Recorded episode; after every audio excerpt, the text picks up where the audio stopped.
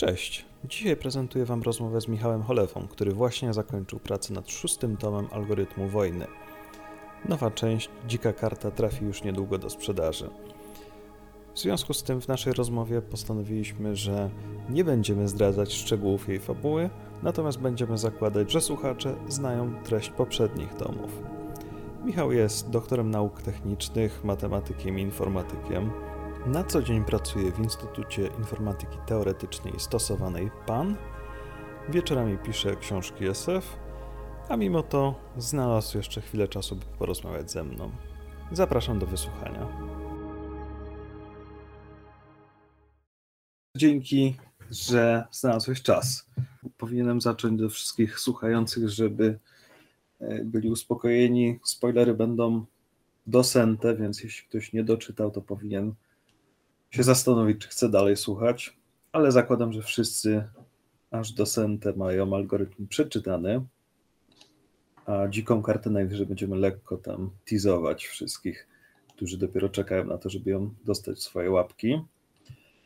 E, tak się zastanawiam, czy, czy cię nie spytać, bo zakładam, że ponad 9 miesięcy czyta, pisa, pisałeś tą książkę i zastanawiam się, czy to znaczy, że y, powinienem ci gratulować bardziej niż matce, która urodziła dziecko?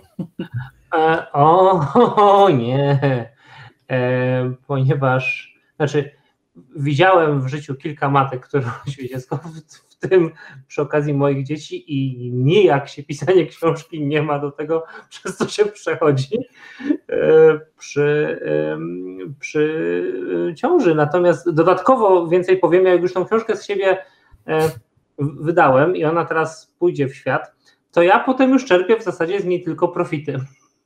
No tak. Wierz mi, z dziećmi tak nie jest. Wierzę, wierzę. Przez długi czas znaczą za, sobie, za sobą tam kubek, znaczy ślad, ślad potłuczonych kubków e, i talerzy oraz dziwnych malunków na ścianach um, oraz pytań w niewłaściwych momentach. I Jasne. Jak, tak, więc myślę, że książki to jest dużo bardziej spokojne hobby niż posiadanie dzieci jednak i tak. proces twórczy, jakkolwiek męczący, jest męczący w zupełnie innym miejscu. Mhm. Ale nie, ja, ja, ja, pisałem, e, pisałem dziką kartę przecież przez no, znaczy, formalnie dwa lata, nie? No bo w listopadzie 2000, 2018 była premiera Sente. E, no i to się jakoś przeciągnęło, ale to różne rzeczy na to wpłynęły. E, powiedzmy, czynniki życiowe, w tym pandemiczne w zasadzie też, e, sprawiły, że jakoś tak się nie mogłem, nie mogłem zebrać.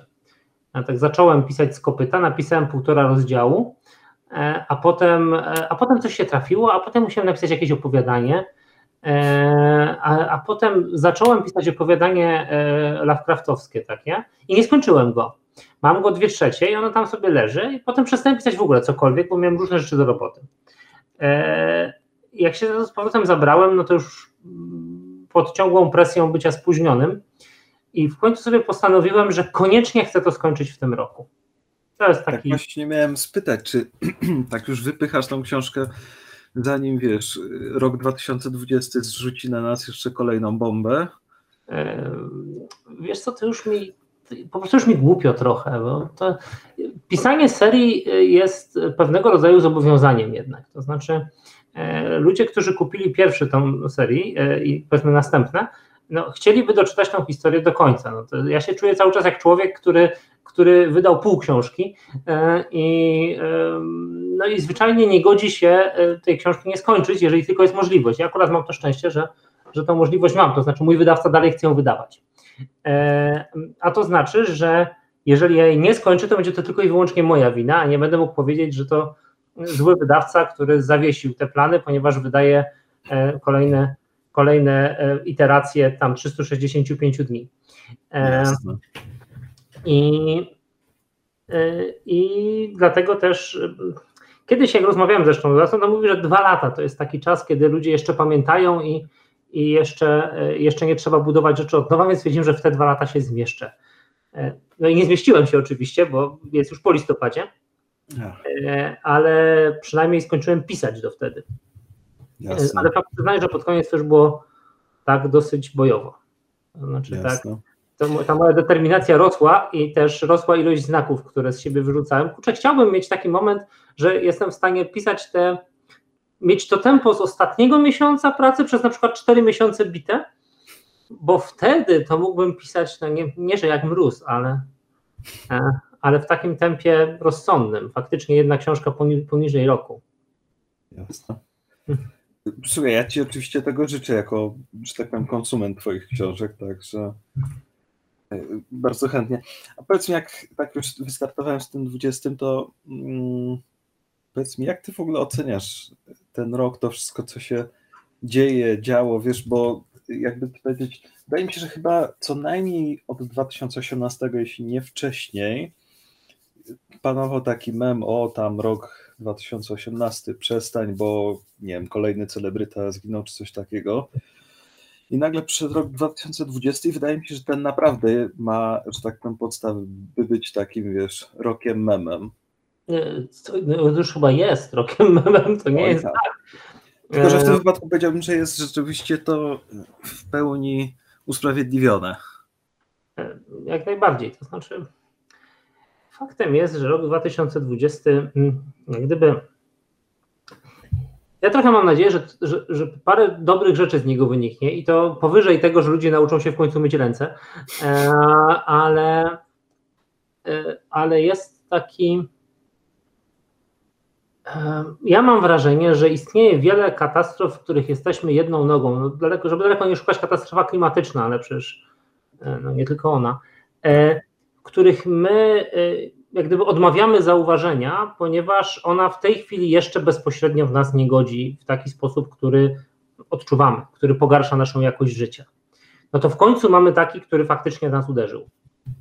Tak. I mam wrażenie, że, wy, że znaczy, brutalnie rzecz biorąc, y, nawet y, ta sytuacja, która jest bardzo poważną sytuacją, jest, wykpienie się tanim, jest wykpieniem się tanim kosztem, jeżeli chodzi o globalne katastrofy. No bo to jest y, jasne, ona jest paskudna z punktu widzenia no, naszego kraju chociażby, ale nie tylko, no, większości krajów, które, które zachodnich przede wszystkim, które jak gdyby żyły na i na usługach, i gdyby gospodarka się kręciła na tym, że wszyscy mogą na, na wolnym przepływie ludzi. E, natomiast nie oszukujmy się, to nie dżuma. Tak. To znaczy, mogliśmy trafić na dużo gorszą zarazę, a poradzilibyśmy sobie z nią równie źle. E, Wiesz, powiem Ci, dla mnie to jest właśnie ten ciekawy moment, że ja bym Cię chciał spytać też, w którym momencie stwierdziłeś, że ta pandemia to jest rzeczywiście jakiś tam big thing, bo dlaczego pytam? Bo ja akurat jestem, w, ale wydaje mi się, to warto czasem dobrze robić człowiekowi, jak jest w błędzie.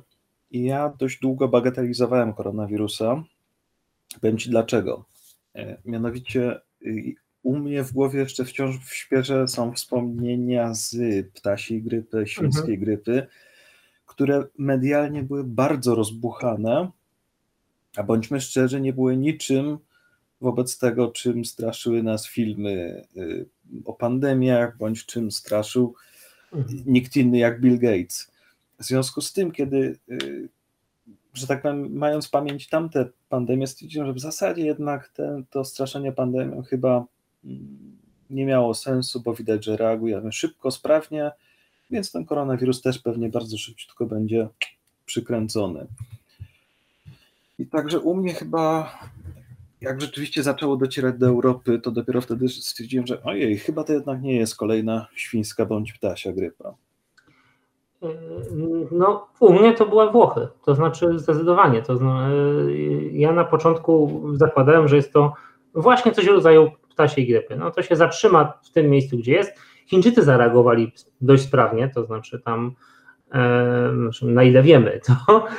Czy jest to kraj, który ma trochę inne warunki do e, zdecydowanych działań? Tak, no bo powiedziałbym, ich sposób rządów bardzo ułatwia, e, nazwijmy to, pewną kontrolę nad podróżami, rozwojem pandemii w związku z tym.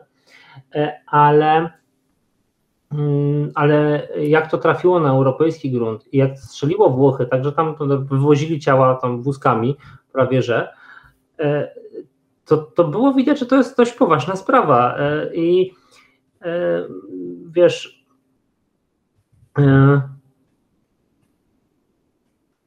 to jest, i to, i to widać, jak to, jak to postępuje. To znaczy, bo gdzieś tam w, gdzieś tam na początku roku, na, znaczy nawet nie na początku roku, nawet kiedy już były Włochy, to człowiek chciał wierzyć, e, że to jest dlatego, że po prostu ci Włosi stwierdzili, że przecież nie będą się izolować. I to dlatego. Potem człowiek myślał, że ok, w Polsce są przypadki, no ale w końcu nie ma ich aż tak dużo. I te przypadki to na pewno są ci wszyscy ludzie, którzy stwierdzają, że oni będą sobie robić po prostu grille i mają to w nosie yy, i tam jakąś, jakiś tam dystans społeczny, jakiekolwiek tam, tam sposoby. No w końcu nie było ich tak dużo.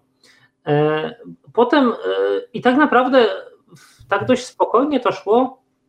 Ja już wiedziałem, że to jest poważna sprawa, a właściwie wiedziałem, myślałem, że to jest poważna sprawa, no bo trudno powiedzieć, że z moją wiedzą epidemiologiczną czyli raczej małą, e, można powiedzieć cokolwiek wiedzieć na pewno. E, ja się opieram e, głównie o znajomą wirusolożkę, która jest chyba w tej chwili dyżurną wirusolożką fandomu. To chyba nawet y, prawie że polski, bo też często w mediach się pojawia. Tak, no i bardzo dobrze, bo rozsądnie mówi, więc um, zdecydowanie to jak gdyby sprawia, że mamy z wyprzedzeniem informacje, które potem ma prasa. No. E, I możemy dopytać, co też jest cenne. W każdym razie, e, i potem był taki moment, kiedy nastąpiły wakacje, wiadomo, rozluźnienie wszystkiego, a potem zaczęło się to taki, taki system, że najpierw człowiek zaczął mieć w dalekich kręgach znajomych kogoś, kto zachorował.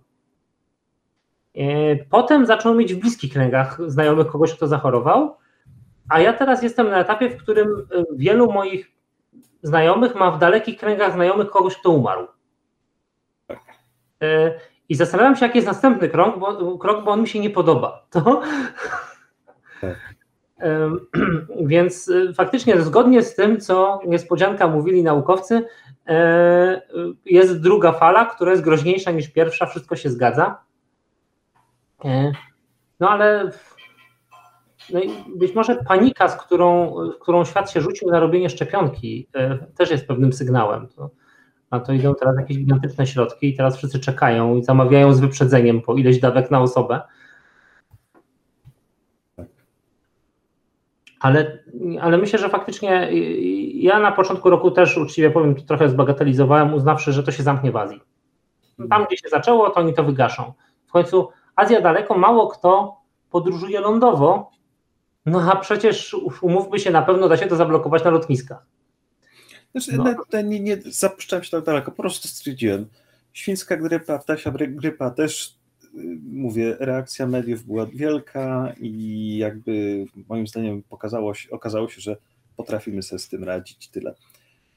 Natomiast wiesz, powiem Ci tak, z innej strony jeszcze ugryzę, bo tam mówię, że to są e, te rzeczy, które obserwujemy w tym roku, to są tak jakby te dziejące się katastrofy.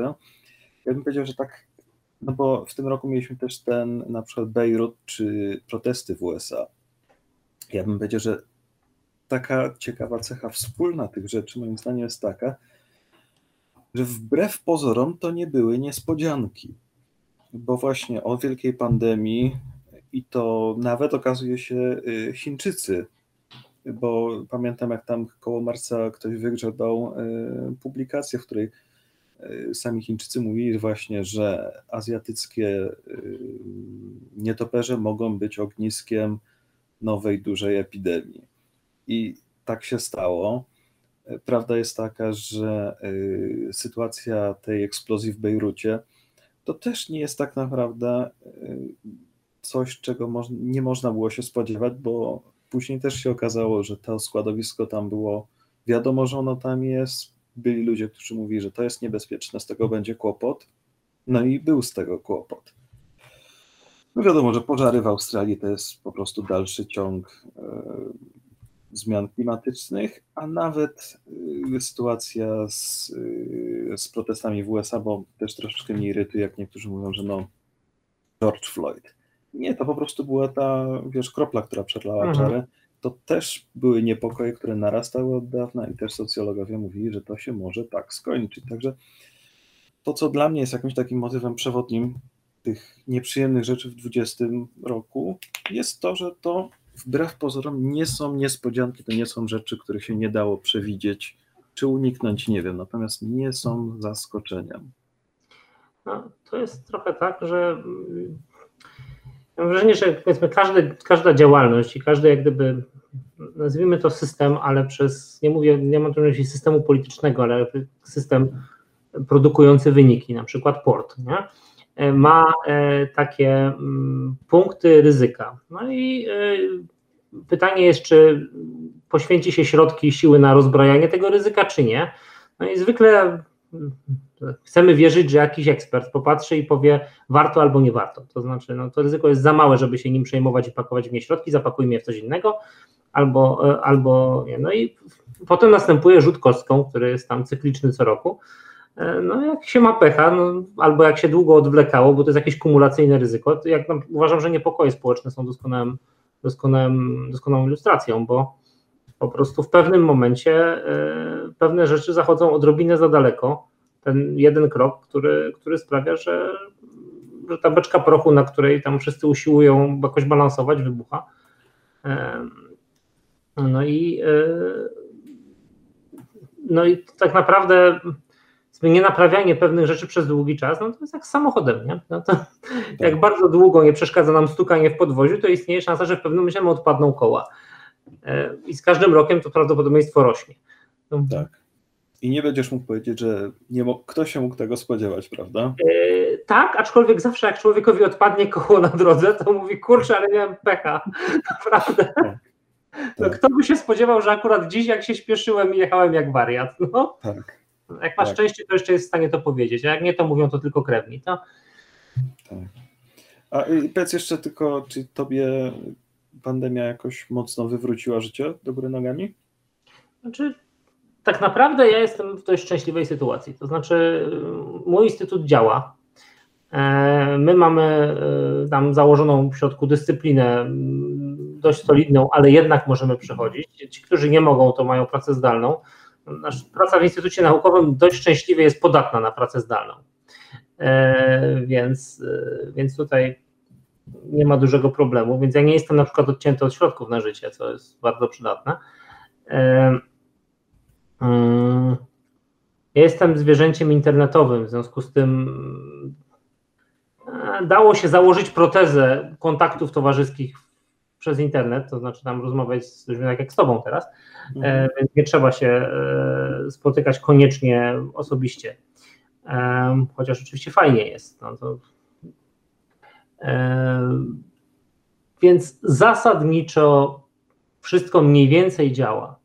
E, jeżeli chodzi o takie, nazwijmy to, no, takie policzalne wartości, no bo, e, bo to wiadomo, że to jest przygnębiające, no, że tam człowiek nie musi uważać, jak jedzie do mamy, albo tam się zastanawia, czy jak tam, nie wiem, wujek z dalszej rodziny pracuje, to czy E, to czy zarazi kogoś, czy przyniesie coś z tej pracy, e, czy ja coś przyniosę, albo co gorsza, czy przyniesie coś mój syn, który chodzi do przedszkola, e, gdzie są, jak łatwo policzyć, znaczy jak łatwo określić dzieci, a te dzieci nie mają żadnych objawów i objawem dzieci jest to, że chorują ich rodzice tak naprawdę.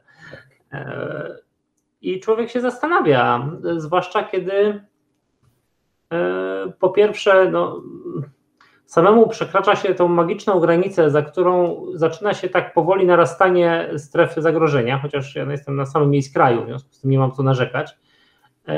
Oraz, że faktycznie no, to jednak jest rzut kostką. No, może się okazać, że człowiek ma pecha, nawet jak ma lat 25. To jasna jest na to mała szansa, ale jednak.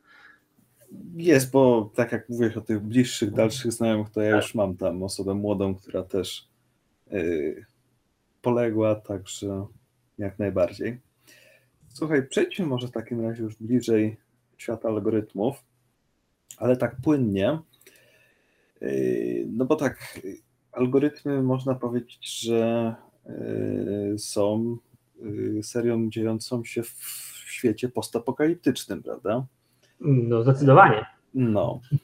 I tak zastanawiam się, czy w oderwaniu, jeszcze póki co w oderwaniu od algorytmów, czy ty uważasz, że yy, jeśli jakaś cywilizacja technologiczna staje się, no sięga dalej niż na jedną planetę, jeśli jest w stanie opuścić swoją rodzimą planetę i zasiedlić jakąś inną, czy to już w takim razie oznacza, że jest za tak zwanym wielkim filtrem?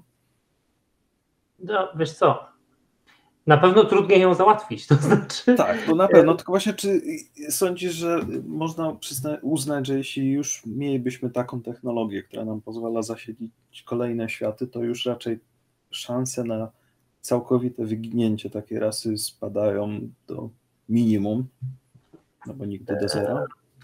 To zależy jak zasiedlać, to znaczy jeżeli jesteśmy w stanie zasiedlić nowe światy tak, żeby one były niezależne od, e, od, od, e, od homeworldu, to jak najbardziej zbliżamy się do tego miejsca. No ale faktem jest, że nawet gdybyśmy zasiedlili no, Marsa, no raczej Encelatusa, nie? to on jest chyba najbardziej prawdopodobny, Tytana może. E, Tytan zawsze budził moją, pobudzał moją wyobraźnię ze względu na to, że ma sensowne ciśnienie i i o to się nie trzeba martwić, ale e, natomiast to jest jeszcze ten etap, kiedy fajnie by było zasiedlić coś poza własnym układem gwiezdnym. No, tak.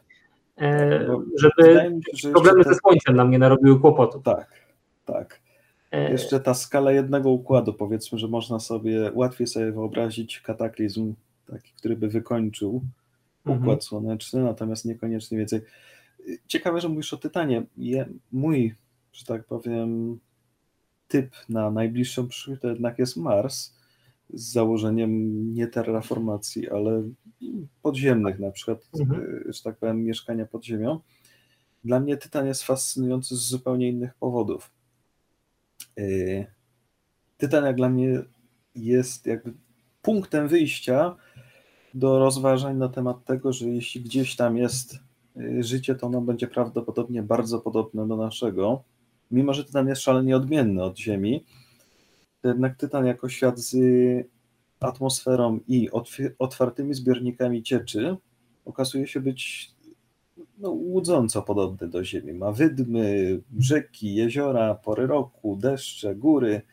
Wszystko to ma, a wiemy, że życie, że tak powiem, jest rzeźbione w dużej mierze przez, przez ewolucję, czyli przez otoczenie, w związku z czym spodziewam się, że gdzieś indziej też będą płetwy, oczy, odnóża. Może ich być trochę więcej, trochę mniej, ale spodziewam się, że, no mówię, jeśli będą gdzieś warunki, po pierwsze woda, to będzie też podobnie wyglądało ukształtowanie terenu i tak dalej, więc też całe to środowisko.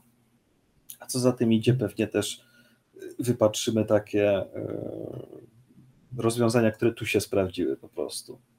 E, no wiesz co, tak, no Tytan Europa, nie? No tam przede wszystkim woda, nie? Tak. I, I, dlatego typuję e, właśnie te elementy z ciekami wodnymi, że ze względu na to, że no to strasznie ciężko przewieźć, to znaczy, no bo jest ciężka woda, jest po prostu, tak. nawet, nawet zwykła woda jest ciężką wodą, jeżeli chodzi o transport międzyplanetarny. Więc posiadanie tego na miejscu, no to wszystko, to reaktory można postawić, tam rozbijać to na tlen, w ogóle cudawianki można z tym robić, jak już to jest. Natomiast Mars jest, ma tą zaletę, że jest blisko, no to jego główna zaleta e, i jest tam w miarę jasno, to jak na oczywiście planetę, która nie jest Ziemią. Tak. E, natomiast jeżeli tam nie znajdziemy jakichś sensownych źródeł, no to mhm. jesteśmy skazani na dostawy, a umówmy się, że dostawy wody dla kolonii, która ma powiedzmy powyżej tysiąc osób, to jest problemem. Nawet dla tysiąca osób jest to problemem, bo woda jest ciężka, daleko się leci, są bardzo podatne na awarie. Znaczy w sensie jedna awaria może narobić bardzo dużo trupów na miejscu, to, no bo trzeba zacząć ją wtedy dawkować. To, to nie jest orbita, gdzie następny rejs będzie jak tylko się uda. No tutaj następne tylko się uda, może być za rok. To. Tak. Więc, y, więc raczej y, mierzę dalej, jeżeli chodzi o kolonie, takie może nie prawdziwie samowystarczalne, ale takie, no takie prawie. Mars jest doskonałym miejscem na stację badawczą i mhm. dla mnie on bardzo, bardzo przemawia do mnie do wyobraźni, ze względu na to, że to jest faktycznie realne miejsce, które no w mojej głowie za mojego życia tam po prostu może ktoś stanąć, postawić stopę, przejście tam i z powrotem, pomachać do kamery. Jest to dla mnie naprawdę niesamowite. Nie? Ja prawda, łykam te wszystkie argumenty, że robotami się lepiej robi, e, robi eksplorację międzyplanetarną, ale jesteśmy gatunkiem eksploratorów. Znaczy, chcielibyśmy tam mieć człowieka, który poskacze i powie, postawiliśmy stopę w jeszcze jednym miejscu. Tak. Hmm. Fajnie, może Wciąż mamy tą przewagę, że jednak ten astronauta w godzinę zrobi tyle, co robot pewnie w miesiąc, y, ale ta przewaga może maleć. Tak. Na szczęście, słuchaj, w momencie, w którym to nagrywamy, jesteśmy potencjalnie na dzień przed 15-kilometrowym skokiem e, rakiety zupełnie nowej generacji, która rzeczywiście ma realną szansę, żeby kogoś postawić mm, na Marsie. Co więcej, za tą rakietą stoi ekscentryczny miliarder, który jeszcze tak. bardziej zwiększa szansę, że rzeczywiście ktoś z tą rakietą zrobi coś takiego. Ale przynajmniej spróbuje to. Dokładnie. dokładnie. Um, Elon Musk to ma, ma, ma, jak dotąd szczęście, że żaden z jego potknięć, których przecież ma milion i on się nie kryje z tym, że no, te potknięcia są, nie następuje, kiedy ma człowieka w kabinie. To, tak. Więc myślę, jednocześnie że... statystyka, jak y, często powtarzasz w swoim cyklu, jest nieubłagana. Trzeba się liczyć, że w końcu im więcej tych ludzi będzie latać w kosmos, że doczekamy się tego. Yy, tak. Tylko, że ja mam wrażenie, że istnieje coś takiego jak e, nazwijmy to przeciążenie e, informacyjne, znaczy albo powszedniości. E, mhm. W pewnym momencie, znaczy my w tej chwili nie zablokowalibyśmy lotów samolotu, takich zwykłych, między transatlantyckich na przykład, gdyby się nawet rozbiły dwa. Tak. Byłyby komisje, zablokowano by ten typ samolotu, dopóki by się nie wyjaśniło, co się stało. Natomiast mam wrażenie, że gdyby w tej chwili nastąpiła próba lotu na Marsa i podczas niej zginęło, zginęłaby załoga, to to by mogło zablokować na 20 lat kolejną próbę. Hmm. E, bo mm, na tyle jest to egzotyczna sprawa, że dla nas jest to problem myśleć o tym, że, mm, e, że, że straciliśmy ludzi w kosmosie. Zauważ, że dwie katastrofy było, nie było wahadłowców kosmicznych, nie powstrzymały nas od stacji kosmicznych. Wyłączyły wahadłowce. Tak. E, ale to dlatego, że mam wrażenie, że wtedy loty na orbitę już były powszechne. W sensie ciągle tam pchamy ludzi i, i ściągamy, w związku z tym tak. zaczyna, przechodzimy, jak płynnie ludzie przechodzą psychicznie taką granicę pomiędzy, yy, pomiędzy tym, że jest to wypadek, który sygnalizuje, że to jeszcze nie jest pora na nas w tym miejscu, na wypadek w miejscu pracy. Okej. Okay. Myślę, że gdyby teraz nawet ktoś zginął na stacji, odpukać oczywiście, e, na, na, na, na stacji kosmicznej, to nie sądzę, żeby, żeby to nas powstrzymało od wysyłania tam ludzi dalej. Tak. A nie wiem, czy wiesz, potencjalnie byli, byliśmy blisko, bo był jakiś przypadek chyba zakrzepicy u astronauty, o którym zresztą co troszkę mnie zaskoczyło, y, dopiero chyba po jego powrocie na Ziemię y, poinformowano. Także sytuacja była w miarę poważna i no. Tyle jako ciekawostka. Tego, nie? To znaczy. E, mogę później posłużyć linkiem, teraz nie będę googlał, znaczy, ale. E, znaczy, nie, że jakoś lubię pasjami czytać o zakrzepicy, ale jest to dla mnie interesujące. E, ale to nadal jest jedna strona spośród naprawdę wielu, którzy na tej stacji byli. Tak. Gdyby pierwszych trzech, którzy tam wylądowali, dostali zakrzepicy, to prawdopodobnie byśmy tam więcej nie latali. Dopóki byśmy nie wymyślili, w jaki sposób sobie poradzić z zakrzepicą, bo to byłby wyraźnie duży problem. Tak. A teraz jest to problem, który jednak nie powstrzymał, jak rozumiem, ludzi od wysyłania dalej tam ludzi. Zwłaszcza, że my nie możemy no. chyba przestać, znaczy nie możemy przestać obsadzać stacji kosmicznej bez pozbycia się stacji kosmicznej. To znaczy musimy tam mieć załogę. Tak, Wydaje mi się, że sama by sobie nie poradziła z Ziemi. Już nie mówię o samych nawet dos, dostawach. Mhm. Wyobraź sobie, że ta sprawa zakrzepu była też w 2020 roku, także mamy kolejny kamyczek do tak, memicznego roku. Dobrze. Y, słuchaj, tak przechodząc jeszcze bardziej do algorytmów, e, tak, taka myśl wokół postaci Colette. Mhm. Czy, czy algorytmy to nie jest przypadkiem prequel Dune? Bo tak jakby jest to jakiś tam, jakaś tam próba, no może nie zastąpienia myślącej maszyny, ale jakby rozszerzenia kondycji ludzkiej tak, żeby jakąś część tych robót przejęła na siebie. Y, to znaczy, jak mnie na tym zastanowić, my to już robimy. Znaczy, nie dokładnie to robimy, ale próbujemy udoskonalać człowieka. Mhm. Y, I najprostszą metodą udoskonalania człowieka, aczkolwiek krótkoterminową, którą wszyscy wiedzą, że jest, jest doping dla sportowców. Mamy środki medyczne, chemiczne, które sprawiają, że człowiek jest bardziej wydolny i je stosujemy. Uważamy, że jest to nieuczciwe w, rywalizacji sportowej, ale umówmy się, jakbyśmy zaczęli toczyć wojnę, przestalibyśmy się tym przejmować. Eee, no i nie mam cienia wątpliwości, że robimy to z ciałem tylko dlatego, że z ciałem jest łatwiej niż z układem nerwowym. Jakbyśmy umieli to robić z układem nerwowym, to byśmy to robili. Tak.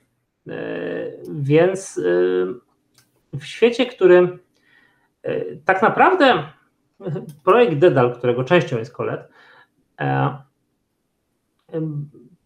tak naprawdę w pewien sposób był optymistycznym akcentem algorytmu wojny, bo on pokazywał, że ludzie zanim jeszcze był dzień, jeszcze długo wcześniej, wiedzieli, że z tym jest i może być problem. I próbowali już kombinować, co zrobić, gdyby się okazało, że ten problem nastąpi. E, jest to, e, przyznaję, e, duży hura optymizm z mojej strony, że niebezpieczeństwo zostało przewidziane i ktoś próbował coś z nim zrobić zanim jeszcze ten nie zdążył, ale jest to krok we właściwą stronę, jeżeli chodzi o ludzkość, bo to nie jest tak, że mamy zwyczaj dbania o problemy, dopóki nie przyjdą i nas nie kopną. I oczywiście, no, ale nie tylko kolet, bo przecież i magowie są kimś takim. Mm, oni de facto służą do tego, żeby, żeby wykonywać skomplikowane obliczenia, szperacze przecież. E, którzy się włączają w systemy nawigacyjne. E, więc tak, jak najbardziej. Myślę, że gdybyśmy mieli możliwość w, jakiegoś, w jakiś sposób e, stworzenia mentatów, to byśmy to chcieli zrobić. E, w Dune jest to łatwe, ponieważ wystarczy ich nakarmić spajsem, który zależnie od tłumaczenia jest przyprawą albo mętlikiem, albo melanżem. Natomiast fajnie by było mieć coś takiego, tylko że na razie to my mamy kable, w związku z tym kombinujemy z kablami to, i tym, co, co sami znajdujemy. Tu też pojawia się troszeczkę nam Elon Musk, który też i w tym temacie miałby coś do powiedzenia, bo w końcu jego Neuralink. Może od razu spytam Cię przy okazji, co sądzisz o tym, czy, czy śledzisz ten temat i jak Ci się podobała ostatnia prezentacja? A ostatniej prezentacji muszę powiedzieć, nie widziałem. Mhm. To już było w czasie, kiedy byłem zakopany w rzeczach i ten, a, ale to jest tak, że to w pewien sposób oczywiście będzie fajny bajer. E, mhm. Tylko e, e, chciałbym widzieć tego realną przydatność. W sensie realną zmianę poza przeniesieniem pewnego sterowania no, pod skórę. Jakbym sobie wszył telefon, to, to, to bym miał nazwijmy, podobne możliwości. Jestem ciekaw, jakie, jakie tak naprawdę przełomowe możliwości są, yy, są oferowane. Plus oczywiście kiedyś yy, co zawsze rozmawiałem na temat, na temat wizji przyszłości mojego dziecka, który oczywiście chciałem, żeby był astronautą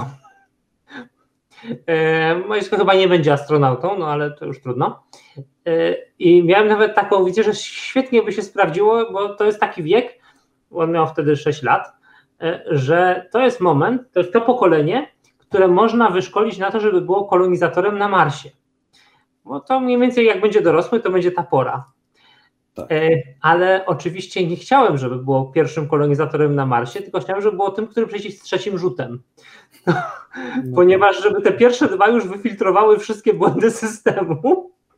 Tak. Bo fajnie jest być na pomniku, ale dobrze, jeśli nie pośmiertnie. E, I, i Neuralink jest taki sam, to znaczy minie jeszcze trochę czasu, zanim, zanim nawet zakładając gigantyczny optymizm mhm. i technologiczny, i ten, to minie trochę czasu, mam wrażenie, zanim e, zaufamy systemowi na podpięcie się całkiem, jeżeli nie będziemy musieli. Bo oczywiście tak. dla mnie dużo bardziej pasjonujące są te wszystkie e, e, czujniki, które pozwalają, które przechwytują sygnały nerwowe na przykład i pozwalają sterować protezą. To jest, to jest, jedna z, to jest jedna z rzeczy, które jak dla mnie właśnie może nam zaoferować Neuralink. I on na pewno wystartuje właśnie od tych ludzi, którzy nie widzą, nie słyszą, utracili władzę w kończynach i że tak powiem od nich się pewnie zacznie i oni przetrą ten szlak.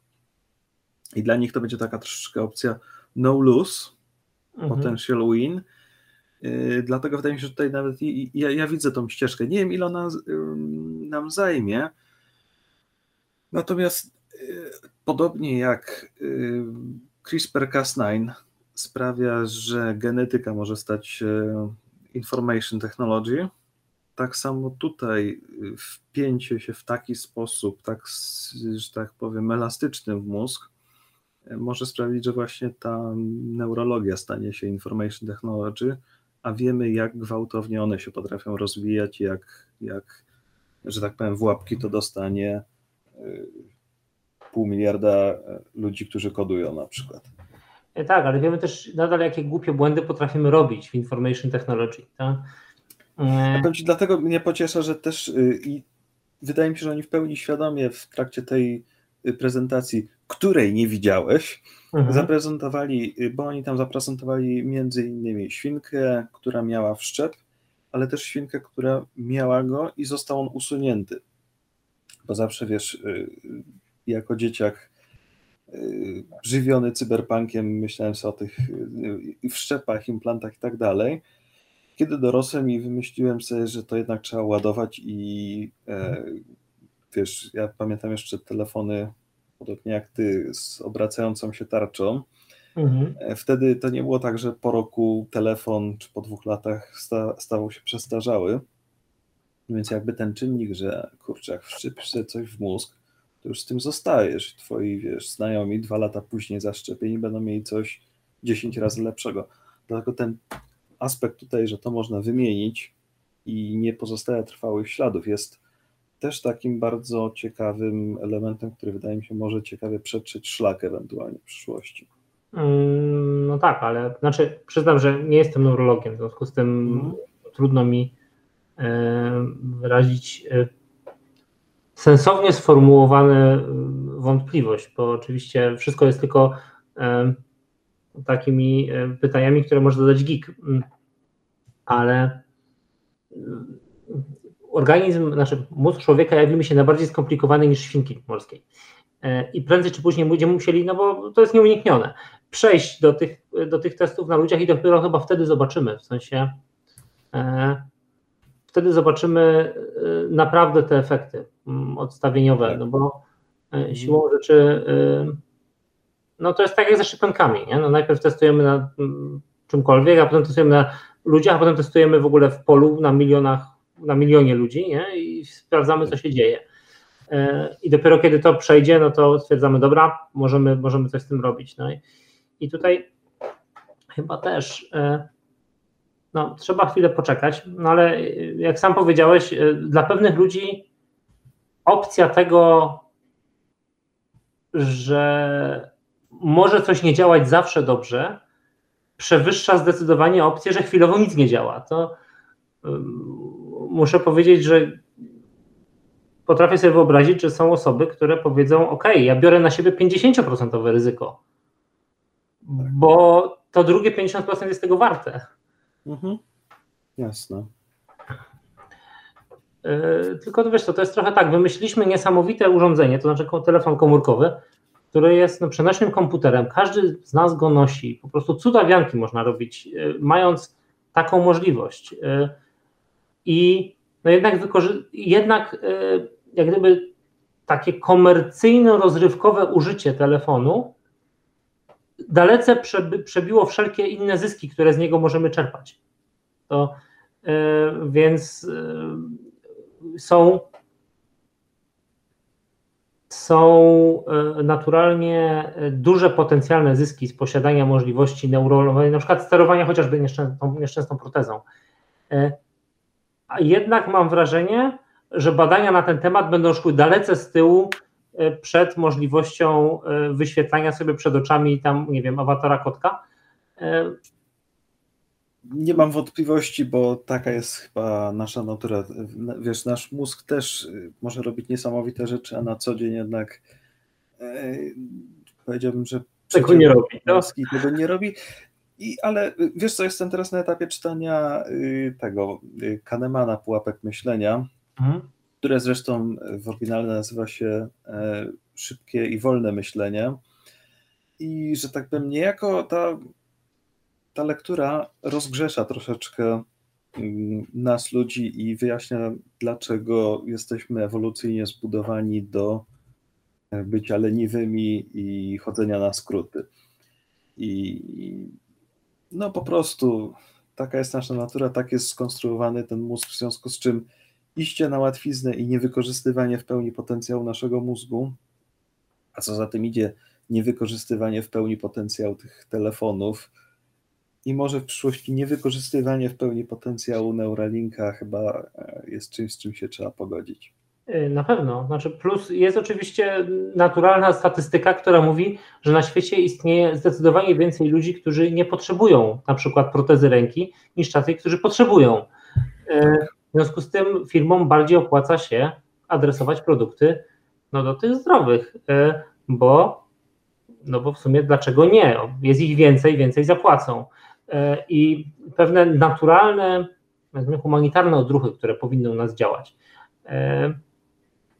E, no, trudno ich oczekiwać po korporacjach, które nie są stworzone dlatego, żeby być humanitarne, e, tylko żeby generować zyski, a, a tak naprawdę no nie, możemy, nie możemy liczyć na to, że będziemy mieć więcej Billów Gatesów, którzy stwierdzą, w porządku, mam 100 miliardów dolarów, to ja 50 miliardów dolarów oddam, żeby zbudować szpitale fajnie, ale na przykład już Bezos tego nie robi. To tak. Y, ten. Y, no, Jobs też tego nie robił. To, tak. Więc, więc mam wrażenie, że, że to jest problem. Nie, nie myślimy trochę globalnie, ponieważ bardziej nam się opłaca targetować te miejsca, które nam się opłacają. Zresztą e, ja to kiedyś czytałem artykuł na przykładzie E, na przykładzie odłowu ryb. No, e, ponieważ ocean powyżej dwóch mil tam chyba od wybrzeża jest wspólny, e, mhm. to wszystkim opłaca się gospodarka rabunkowa. Bo jeżeli nie ja, to ktoś inny będzie gospodarował rabunkowo, więc tak samo ocean się straci, a znaczy, może te ryby się wytracą, a ja z tego nic nie będę miał. Więc nie chcielibyśmy, żeby świat tak funkcjonował, E, ale teoria gier jest nieubłagana. I, i, I zwyczajnie będzie, dopóki fundamentalnie nie zmienimy swojego sposobu myślenia. Skoro o sposobie myślenia, czy twoi, określiłbyś sztuczną inteligencję y, w swoim cyklu jako prawdziwe tam general AI? Jak które? To, e, te sztuczne inteligencje na tym wysokim poziomie tak. Mhm. E, one mają powody, żeby robić to, co robią i nie robić tego, czego nie robią. E, na poziomie a, powiedzmy takiego Androida samodzielnego, to on jest na granicy tego tak naprawdę, no bo on jest w stanie funkcjonować w społeczeństwie, zresztą to, e, to widać, w sensie no, no to tak. nie tylko w powieściach widać, że jest w stanie to robić jest w stanie, no, jego moc obliczeniowa jest naturalnie mniejsza, jest nieco bardziej zbliżony do takiego trochę sprytniejszego człowieka i e, przyznam, że e, kiedy ja myślę o Androidach, to moje myśli są gdzieś pomiędzy Bishopem e, a Rayem Betim. To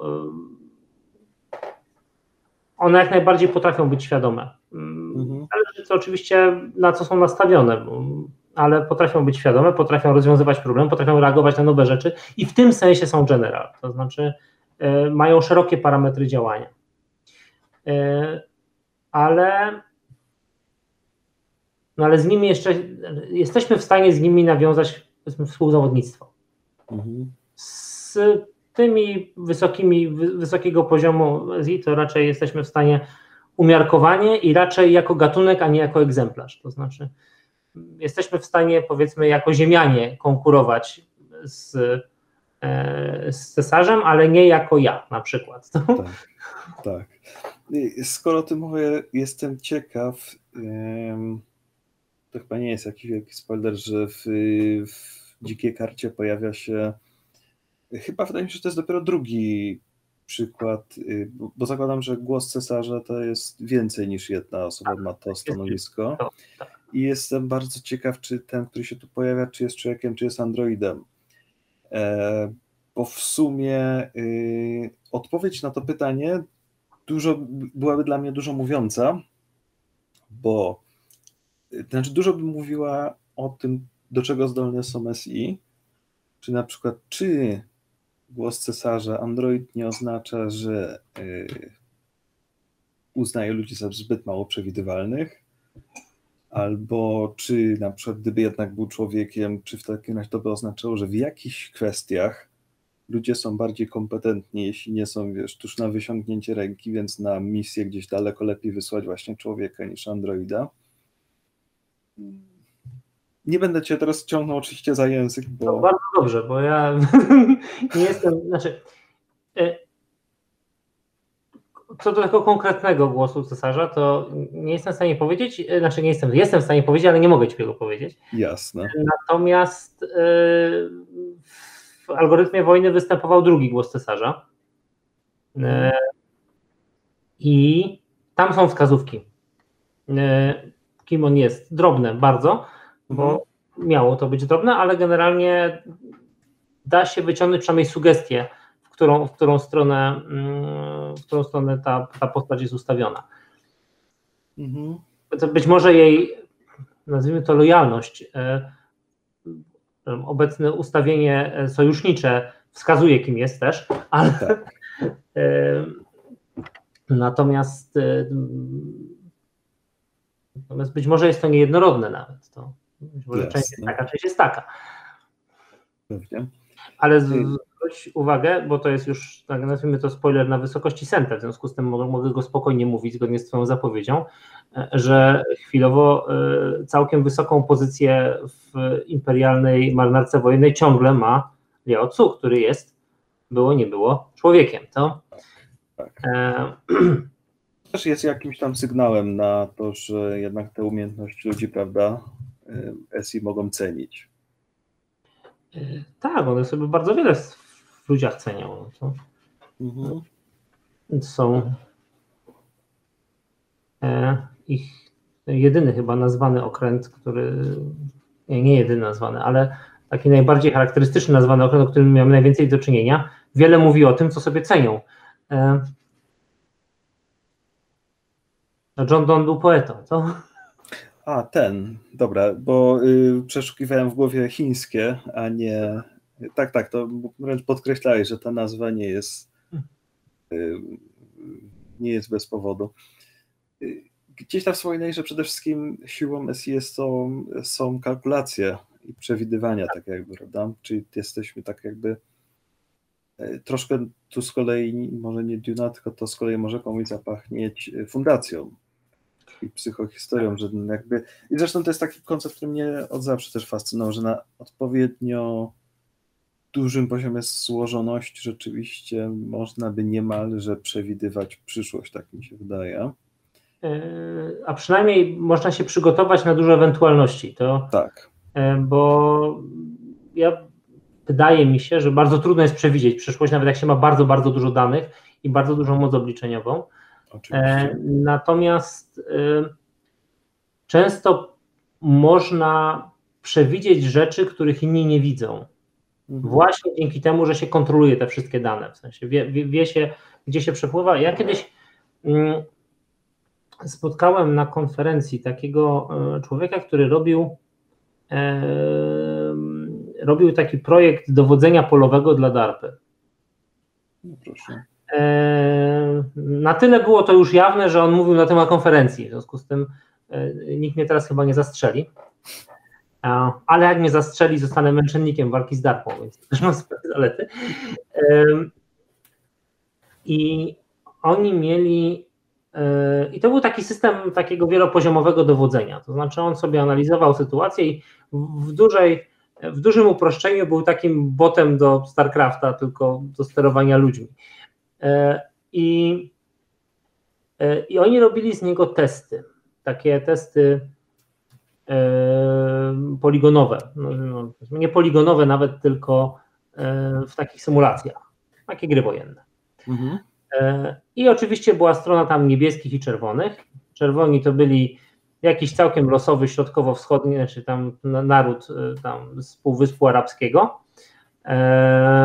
który tam miał takie metody typu tam był gorzej uzbrojony, ale tam atakował na swoim terenie, mógł wykorzystywać tarcze z cywilów, no Słowem, był wszystkim tym, co mają wrogowie Ameryki e, w filmach o wrogach tak. Ameryki.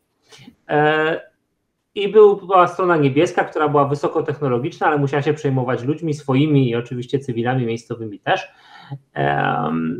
I te dwie grupy tam walczyły ze sobą i okazało się, no i na początku, i tą niebieską oczywiście wspierał ten system. I oczywiście ta niebieska grupa na początku dostawała straszne bęcki, znaczy tak okropnie przegrywali. I oni się, ci sterujący się zorientowali, że ci ludzie zwyczajnie nie słuchają tego systemu. Bo on wydaje im pozornie całkiem bezsensowne komendy. Dla nich one były bezsensowne. W związku z tym wymusili na nich, zrobili im pogadankę i powiedzieli, rozumiemy, że macie inne zdanie, ale to są ćwiczenia i chcemy to przetestować. I oni zaczęli słuchać tego systemu. E, I w wyniku tego, po pierwsze, zaczęli wygrywać, po drugie, zaczęli podobno wygrywać tak bardzo, że druga strona przestała się odzywać w tym swoim centrum dowodzenia, bo uznali, że ten eksperyment ma na celu e, sprawdzenie, jak sobie radzi nowy system wywiadowczy. I tak naprawdę tam ta druga strona uzyskała dostęp do podsłuchów z ich pokoju. E, ale zwróć uwagę, że przy wszystkim tym oznacza to, że po pierwsze, ten system był w stanie na tyle przewidywać e, przyszłe działania wroga, że dowódcy z tej samej strony nie rozumieli jego poleceń, na tyle, że nie chcieli ich wykonywać, bo wydawały się bez sensu. E, ale po drugie, kiedy już się przełamali, to zaczęli się powoli uczyć, że należy wykonywać polecenia systemu, nawet jeżeli brzmią bez sensu. A to jest bardzo niebezpieczne, jeżeli chodzi o ludzi z bronią. Tak, chociaż z drugiej strony też wydaje mi się, że dużo zależy od tego, jaką, jak wygląda sztuczna inteligencja, która, że tak powiem, daje się im do rąk. To znaczy, e, sieci neuronowe, mm, takie black boxy, mm, może lepiej nie. Y, to chyba Peter Watts ładnie o nich pisał, jak absurdalne potrafią być sytuacje, e, chyba w cyklu Richterów tam gdzieś Okazało mhm. się, że y, sztuczna inteligencja kontrolująca mm, wentylację na stacji metra mm, zafiksowała się tak naprawdę, bo oni nie wiedzieli jak działała w rzeczywistości, chyba na zegar na ścianie była ustawiona. Zegar się zepsuł, udusiła ludzi. A z drugiej strony mamy sztuczne inteligencje takie jak Watson, czy y, nie pamiętam, AlphaGo chyba, tak, wygrała mhm. w Go i tam na przykład twórcy mają dokładnie całkowity wgląd w to, dlaczego podejmuje y, w taką, a nie inną decyzję, więc tak jakby wydaje mi się, że zaufanie do tej będzie dużo większe niż do takiego właśnie black boxa. Y, na pewno, ale ludzie będą chcieli mieć black boxa. To znaczy, ja mam wrażenie, że my jesteśmy ustawieni w dwa tryby. Pierwsze jest takie, że nie ufamy maszynie, bo ona nas może oszukać, a druga, kiedy już się przełamiemy, to jest, że ufamy maszynie bezgranicznie. E, to znaczy e, ilość przypadków, kiedy tam ludzie zjechali ze schodów, bo im to GPS powiedział. E, znaczy, to, że ona jest większa niż zero, to już tak. wskazuje, że, że właśnie jesteśmy w stanie wypełnić polecenie maszyny, której jak gdyby no nie rozumiemy jej bebechów, no bo kierowca standardowy nie zagląda do do drzewa decyzyjnego, które tam, tam siedzi. Nie wiem dokładnie na czym są oparte argumenty, będą jakieś grafowe, mhm. które tam projektuje drogę i nie rozumie, wręcz jest to sprzeczne z tym, co widzi przez szybę, ale i tak uważa, że komputer pewnie wie lepiej.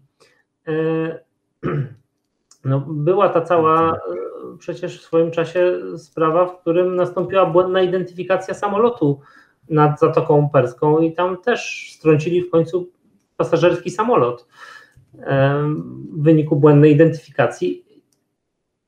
I dało się sprawdzić cząstkowe elementy tego wykrycia. Ale ludzie stwierdzili, no nie no, system mówi, co mówi.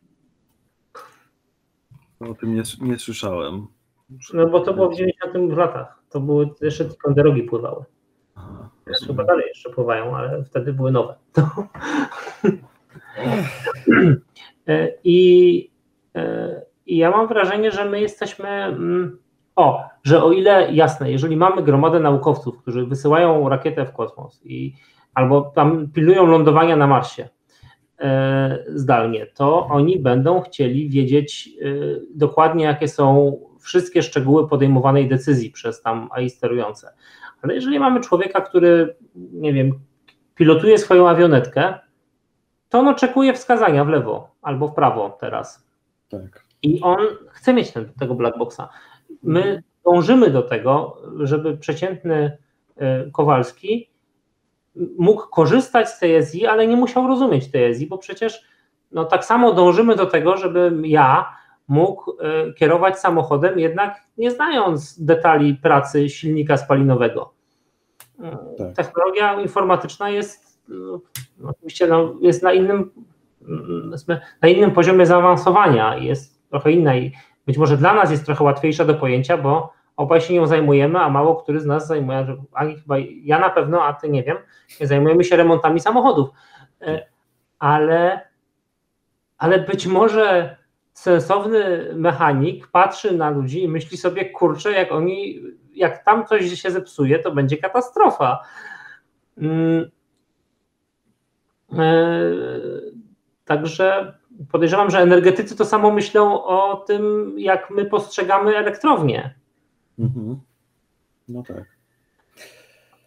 Y, ale czy to znaczy, ty boisz się, że tak powiem, nastania czasów wszędobylskich sztucznych inteligencji?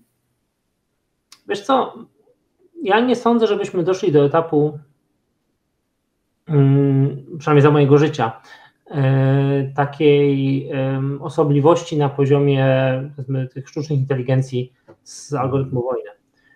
E, wydaje mi się, że to dlatego, że my nie dążymy w ogóle w tą stronę, bo my nie chcemy mieć świadomej sztucznej inteligencji, bo ona jest niepotrzebna. E, my potrzebujemy coraz lepszych narzędzi. No, sztuczna inteligencja musi nam robić za nas rzeczy konkretne. My chcemy być, mieć coraz lepsze tych narrow SI, te ANI, ale to narrow jest, poszerzamy to narrow w obrębie tam swojej dziedziny, to znaczy no, chcemy mieć na przykład e, system, który zarządza elektrownią, to chcemy, żeby zarządzał ją coraz bardziej kompleksowo i był w stanie faktycznie dostosować się coraz do większej ilości warunków, w których ta elektrownia może się zdarzyć, e, może się, może się e, znaleźć, ale, no ale nie chcemy świadomej sztucznej inteligencji, bo po co nam ona? To znaczy, nie ma handlowego zysku w posiadaniu świadomej ESI. Tak. Moim, ja uważam, że e, naszym problemem będą dwie rzeczy. Po pierwsze, bezmyślne korzystanie z tych ESI. To znaczy, że my staniemy się bardzo podatni na ich pomyłki. E, to znaczy, jeżeli no, to jest tak jak z tymi Teslami, nie? No, że nieważne ile razy powiesz człowiekowi, że masz trzymać ręce na kierownicy i to, co ta Tesla ma, to jest tylko system wspomagający. Ale jeżeli on przejedzie 10 tysięcy kilometrów i nie będzie miał z tym problemu, to zacznie zasypiać za kółkiem, bo, bo zwyczajnie pamięta, że zawsze działało. Tak. E, to jest pierwsza rzecz. A po drugie, oczywiście, do czego sprawnie działające SI e, mogą pomóc ludziom. To znaczy, e, nagle się okazuje, że dajemy coraz lepsze narzędzia osobom, które no, będą ich używać. No, e, powiem, e, byłem w 2015 bodajże na takiej konferencji, gdzie był keynote speakerem na tej konferencji był taki chiński naukowiec. profesor znany w machine learningu i tam usłyszałem bardzo przerażające zdanie, które wypowiedział bardzo takim spokojnym tonem, jakby to po prostu opis rzeczywistości, bo on zajmował się e, masowym monitoringiem, mass surveillance. Miał taki projekt, który służył do tego, żeby jeżeli wykryjemy kogoś na jednej kamerze, to żebyśmy byli w stanie złapać go na drugiej. Przewiedzieć, mniej więcej przewiedzieć, gdzie pójdzie taki tracking pomiędzy kamerami. I jego powiedzenie, jego zdanie, które, które teraz zacytuję w luźnym tłumaczeniu, brzmi: tak, tak, masowy monitoring to jest bardzo duży temat badawczy w Chinach. Duże pieniądze rządowe na to idą. I, no tak. e, i, i tak, bo, bo to jest pewnego rodzaju problem, bo te rzeczy kuszą. To znaczy, e, w, podobno w Australii, e, znaczy może tak, zacznijmy od tego. W Chinach pojawił się ten system oceny obywateli, który jest możliwy dzięki dobrym metodom, no, na tyle sztucznych inteligencji, na ile je teraz mamy. Mhm. I ten system działa. Co, o, o, czym wiemy dość szeroko, bo to przez długi czas się rozpisywało o tym portale. Ale o czym wiemy mniej, to jest, że jest gigantyczne poparcie dla podobnego systemu w Australii, która jest jak gdyby w zachodniej strefie wpływów, e, że ludzie uważają, że no przecież niewinni nie mają się czego obawiać. E, w związku z tym, to jest bardzo niebezpieczne zdanie, e, w związku z tym oni są jak najbardziej za tym, żeby władza miała wysoki wpływ, takie wysokie możliwości monitoringu obywatela, bo dlaczego nie?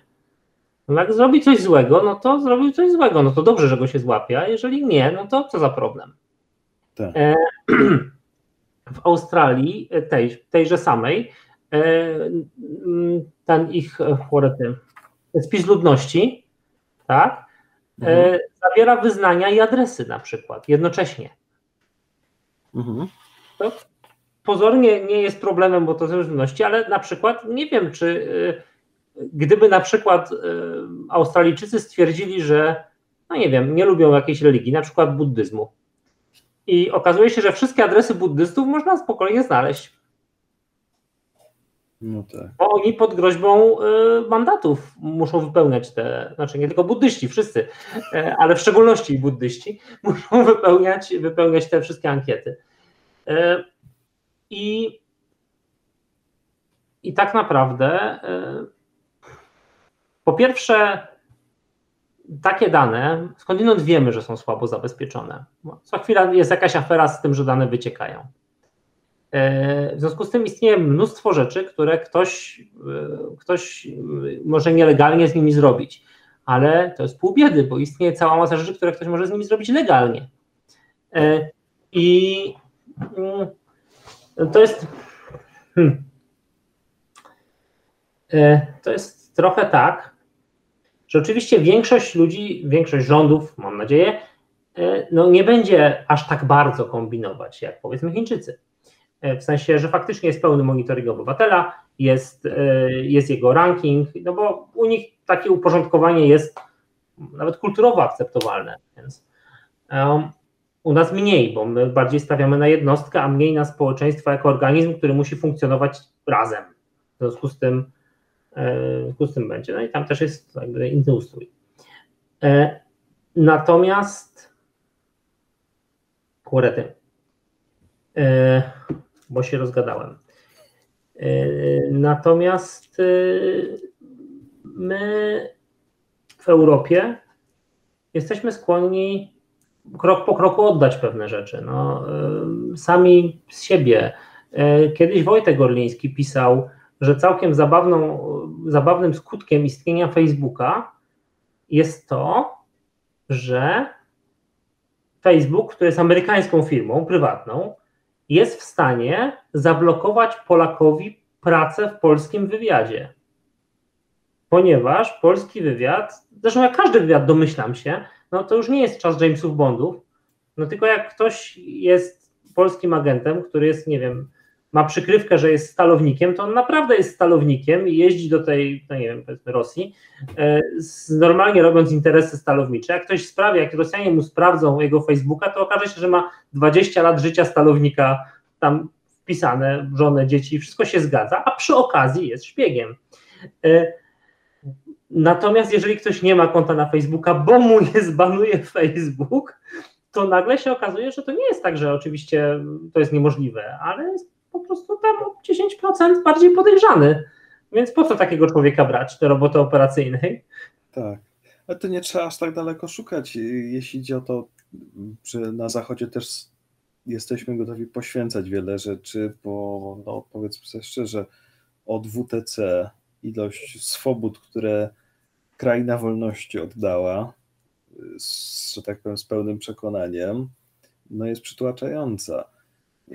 Zresztą nawet no, w Europie też bardzo chętnie się pewnych swobód i, i rzeczy y, można pozbyć, jeśli odpowiednio politycy lub zainteresowani tymi rzeczami je opakują, że tak powiem. Hmm, Także... Bo zawsze myślimy, że to nas nie będzie dotyczyć. No tak. Myślę, że to jest jeden z czynników. E, a po drugim jest jakoś tam sprytna, sprytne to przesuwanie delikatne granicze. To się odbywa jednak krok po kroczku. Na przykład genialne, oczywiście w, w sensie geniuszu zła, jest to, jak na przykład właśnie ten kredyt był wprowadzany w Chinach, bo to nie jest tak, że wszyscy od razu na raz, tylko tam zaczęli od największych zwolenników partii.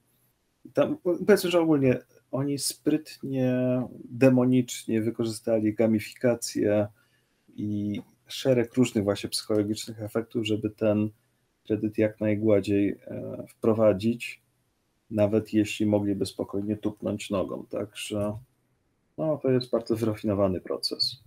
Yy, tak, ponieważ, yy, a, ale cała sprawa na przykład z Cambridge Analytica pokazuje, że to, się zbyt, to, to są narzędzia również dla ludzi, którzy znają się na psychologii i na socjologii. I oni jak gdyby mają gigantyczną opcję oddziaływania. No to jest trochę tak, że mówię, liczymy na to, że powiedzmy dużo ludzi nie będzie robić problemów, ale e, jeżeli mamy, nie wiem, szaleńca z nożem, tak, no to on może nabroić. Ale jeżeli każdy człowiek ma dostęp nie do noża, ale do bomby, tak. to okazuje się, że ten jeden szaleniec z bombą jest w stanie zrobić dużo więcej niż jego kumpel z nożem sprzed 20 lat bo on się z tą bombą wysadzi, albo nie się, po prostu tą bombę wysadzi gdzieś. Jeżeli następnym etapem jest bomba atomowa, no to proszę bardzo. E, I e, mam wrażenie, że systemy sztucznej inteligencji to jest właśnie taki amplifikator możliwości. Znaczy, mhm. wszyscy, nazwijmy to dobrzy, mają zwiększone możliwości, bo na przykład Straż Pożarna lepiej może zarządzać e, tam pożarami, szpitale mogą być lepiej zarządzane, ale też wszyscy którzy mają nieco mniej e, pozytywne motywacje, też mają zwiększone możliwości. Tak. A no, na, na ogół niestety z jakiegoś powodu najlepiej zarabia się będąc osobą o ograniczonej moralności. W związku z tym również i te osoby najbardziej mają możliwości zwiększone. Tak. Słuchaj, trochę późno nam się zrobiło. Faktycznie, bo tak. Pozwól, że w takim razie jeszcze Cię pomęczę takimi dwoma już bardziej y, algorytmowymi tematami. Mhm. Pierwszy jestem ciekaw, bo sobie w, w tym świecie, przynajmniej tym bohaterom, absolutnie nic nigdy nie przychodzi łatwo. Ja się zastanawiam, czy ty, aby nie jesteś troszeczkę sadystą wobec tych swoich bohaterów. Czy tak mhm. czujesz, czy nie, że tam zawsze im się ta noga gdzieś podwinie, zawsze coś jest nie tak Zawsze jest trudno. Wiesz co, bo ja wiesz, wiesz, mam wrażenie, że oni działają w rzeczywistości wojennej. Mhm. E, ich przeciwnicy są przeciwnikami, którzy nie są idiotami. To jest jeden z, jedny, jednym z rzeczy, które może nie zmotywowały mnie do pisania, ale jak gdyby, które sobie na początku ustawiłem, to jest to, że będę się starał, żeby przeciwnik bohaterów nie był debilem. E, strasznie mnie to denerwuje, jak, jak czytam. E, że po prostu e, bohaterowie stają naprzeciwko kogoś, kto jest no, no jest głupi, no to po prostu nie myśli sam.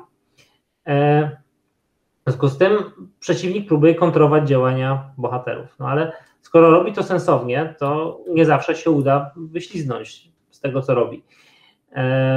Czasem jemu pójdzie, czasem zwyczajnie jest silniejszy, czasami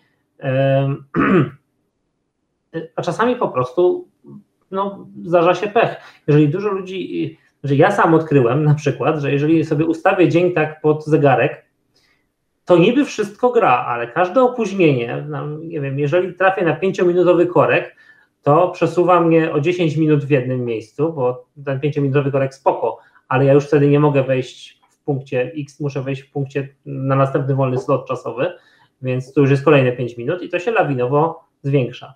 Wszyscy moi bohaterowie, ze względu na to, co robią, na ogół właśnie działają pod zegarek. To znaczy, tam plany, plany dowództwa operacji specjalnych, w których oni pracują w tej chwili, ze względu na konieczności, bo działają na przeciwko silniejszemu przeciwnikowi, który ma lepsze możliwości, teraz jeszcze lepszą moc przeliczeniową, w ogóle wszystko jest przeciwko nim, są bardzo dopięte do ten, łatwo się pomylić. A każda pomyłka strasznie procentuje, no bo oczywiście, jeżeli zrobisz błąd, to sprawny przeciwnik go wykorzysta. No i sprawny przeciwnik go wykorzystuje. E, I jak, e, jak to powiedział, że nadeszła powoli pora, e, żeby pułkownik Brisbane się na czymś pośliznął. No i w, i w dzikiej karcie w jednym, przynajmniej w jednym miejscu zdecydowanie się przelicza w, mhm. w swoich oszacowaniach zachowania wroga. Jest to dość kosztowne. No to i po prostu no, na im większej dźwigni gramy, no jak na giełdzie, tym bardziej nas kosztują błędy. E, bohaterowie grają na wysokiej dźwigni, bo chcą osiągnąć duży zysk. E, plus no, tam jednak czasem ktoś ginie, no bo to jednak jest wojna, oni się z kimś strzelają, ten ktoś też strzela i też umie. To... I też nie chce zginąć. I też nie chce zginąć bardzo, to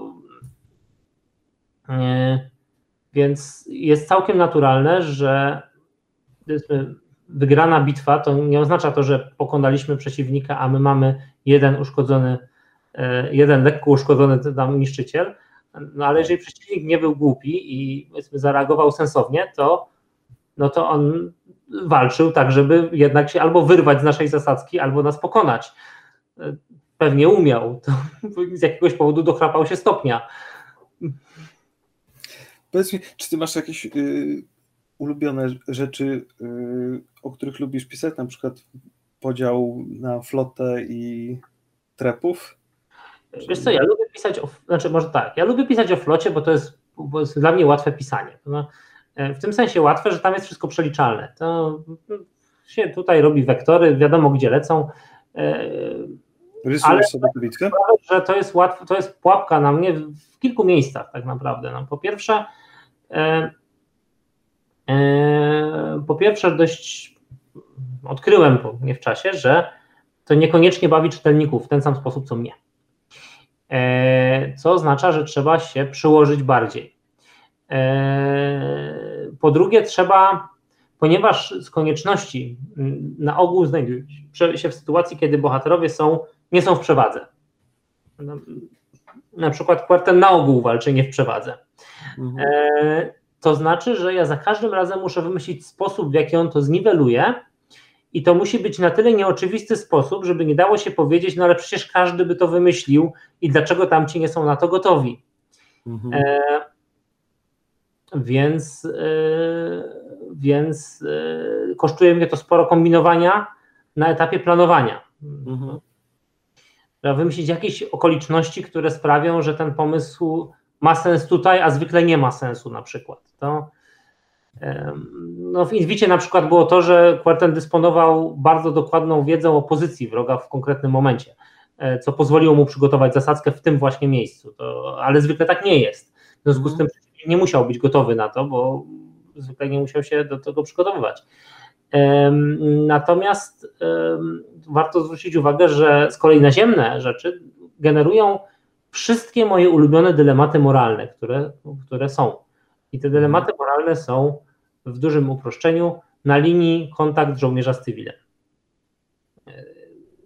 To jest, mam wrażenie, najbardziej dla mnie przerażający element, element wojny, że stykają się grupy ludzi, które mają nawet nie tyle skrajnie odmienne priorytety, co narzucone priorytety jednej grupie, to znaczy żołnierzom, mogą się zupełnie kłócić z ich prywatnymi priorytetami.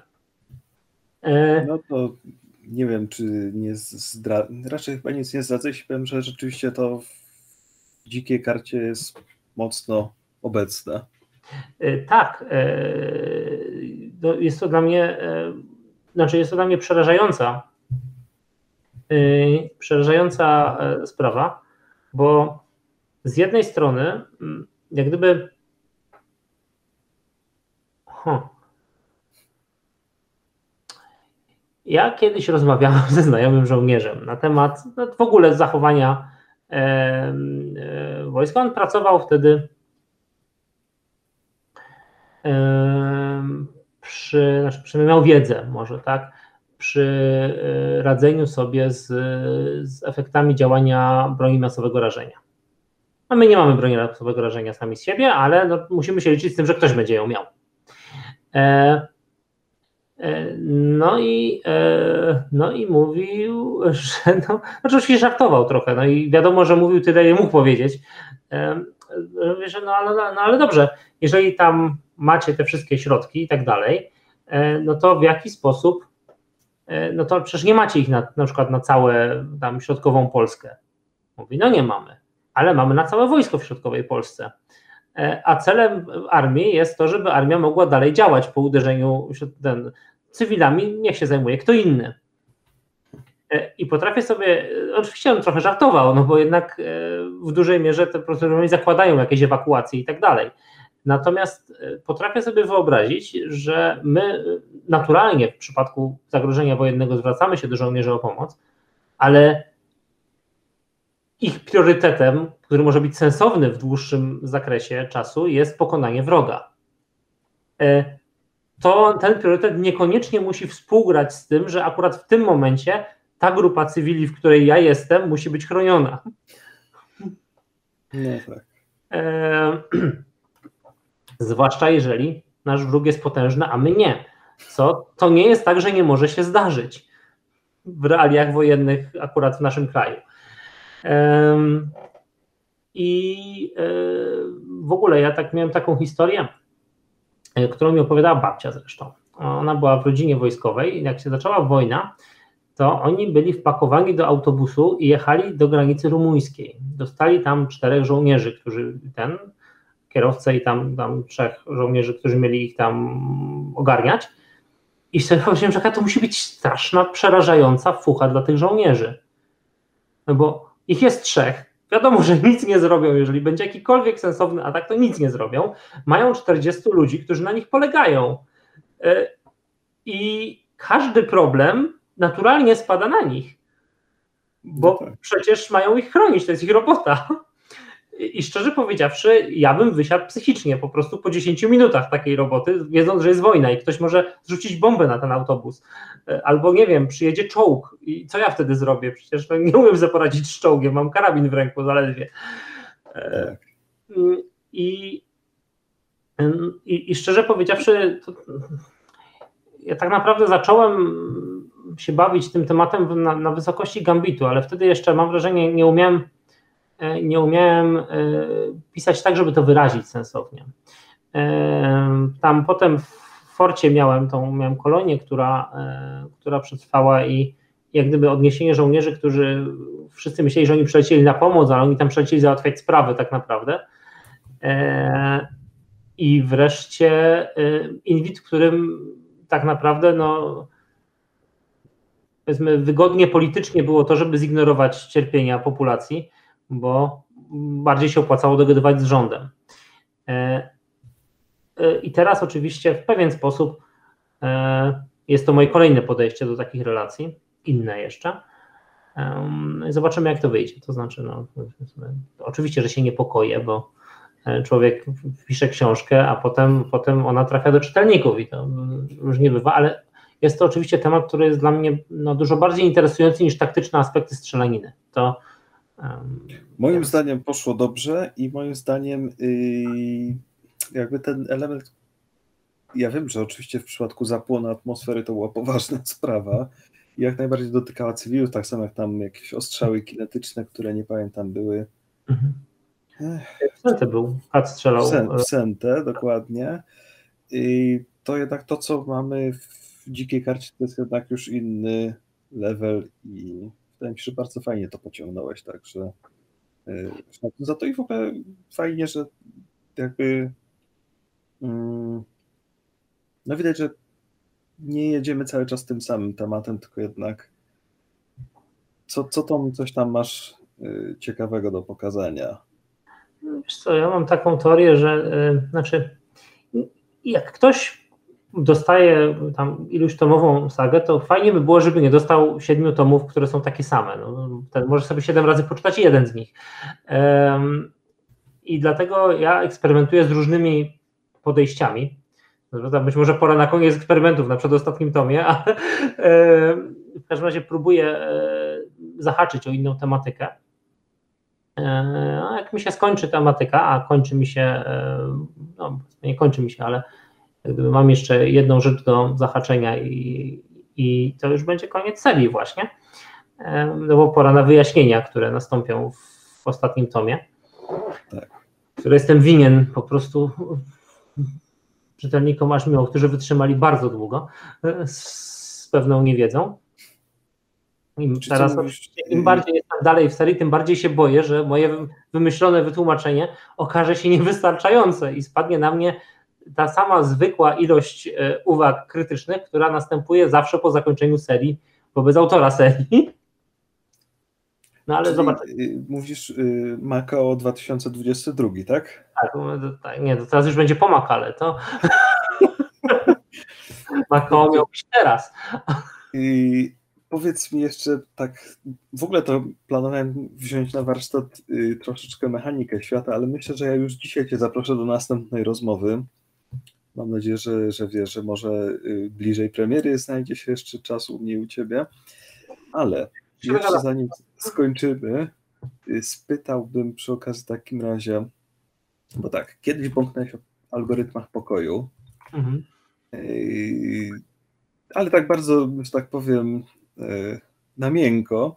Ja mam teraz spytać, czy to byłby sequel czy prequel? Gdyby kiedykolwiek.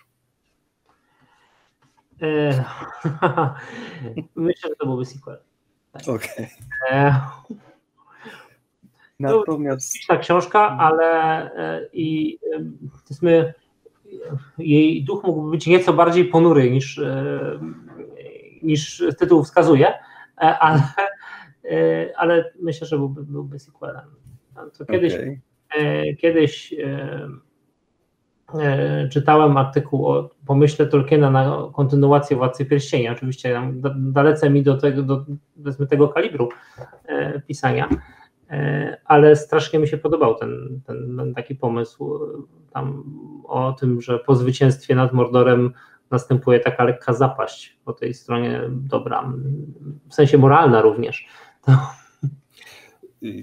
Ja jestem wielkim fanem Babilonu 5, który na przykład też 5. O, tak. w bardzo ciekawy sposób Yy, znaczy w ogóle szacun, że komuś ktoś miał okazję nakręcić coś takiego od początku do końca zaplanowanego i tam też zwróć uwagę, że yy, tak jakby ten main plot kończy się gdzieś w połowie ostatniego sezonu, mhm. yy, ale z tego co wiem zupełnie planowane i intencjonalne była ta druga połowa sezonu, która pokazywała, że to, że pokonało się tego wielkiego złego, nie oznacza, że zło znika, że wojna znika i tak dalej, że to wszystko było świadome.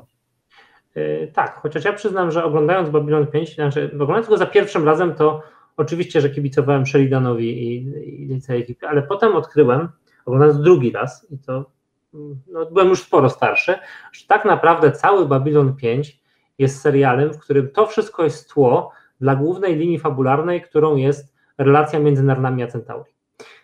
I między oczywiście Jikarem a Londomolarim, które są chyba najlepiej napisanymi postaciami w tym całym serialu, bo mhm. w czasie uznałem, że Sheridan, no, oczywiście nie, Iwanowa jest oczywiście poza, poza klasyfikacją, ale Sheridan i Sinclair są obaj dosyć tacy plastikowi.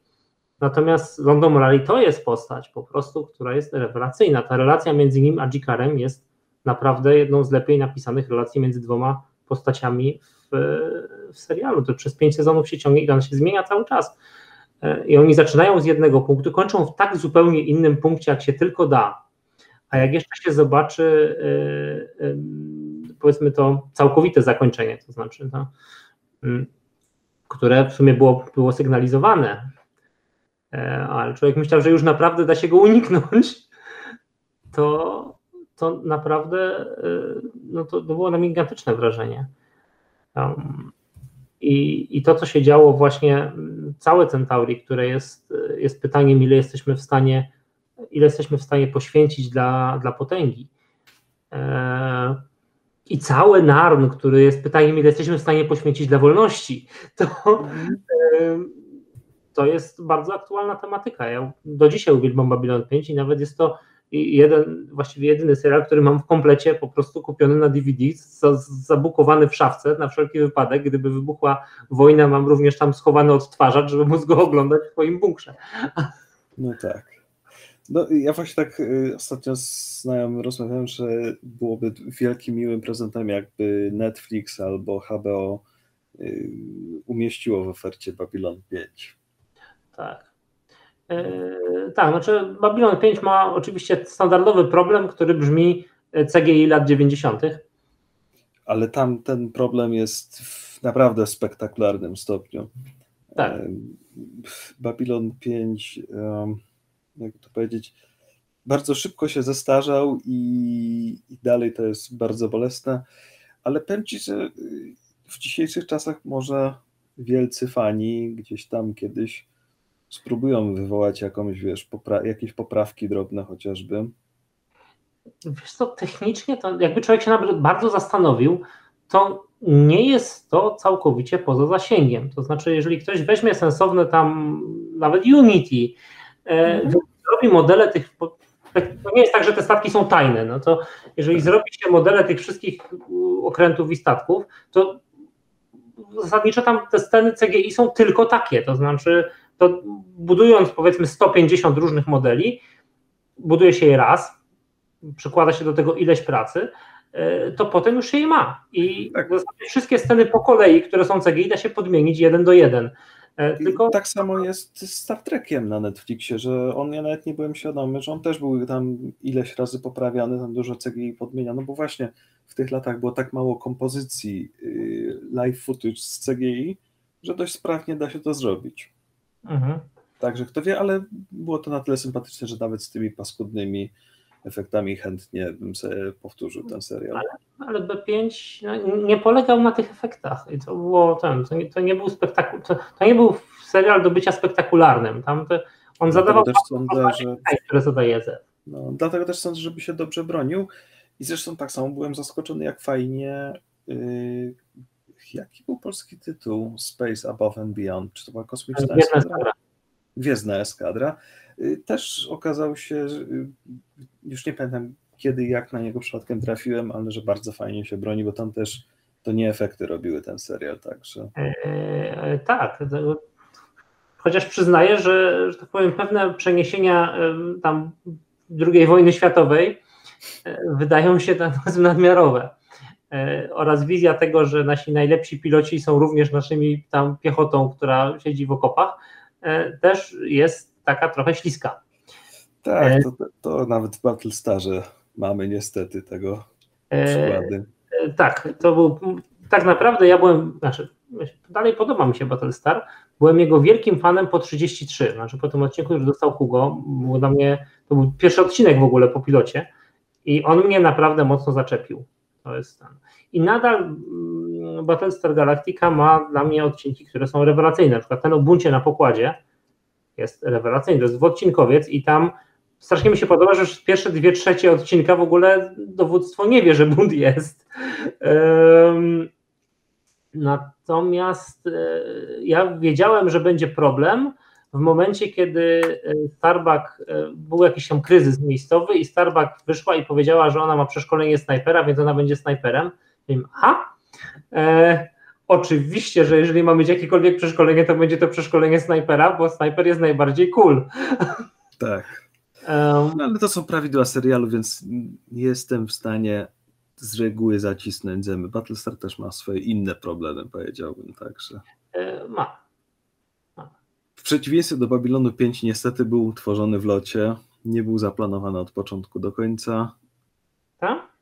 Ale szanuję, nie, no przecież to z sezonu na sezon było pisane e, i moim zdaniem to czuć, ale jednocześnie przez to chyba, nie mam mieszankę uczuć wobec y, Battlestar Galactica The Plan, gdzie oni z całych sił próbują wmówić widowni, że to było przemyślane to było zaplanowane. do końca. No. Powiedz mi jeszcze tak, y, już tak naprawdę na koniec, y, mhm. troszeczkę jestem ciekaw Twoich odczuć wobec krytyki Twoich książek. Jeśli takowa jest, bo powiem szczerze, nie śledzę. Czy jest jakaś, nie wiem, krytyka y, algorytmu, która Cię jakoś szczególnie ubawiła albo bardzo zaskoczyła?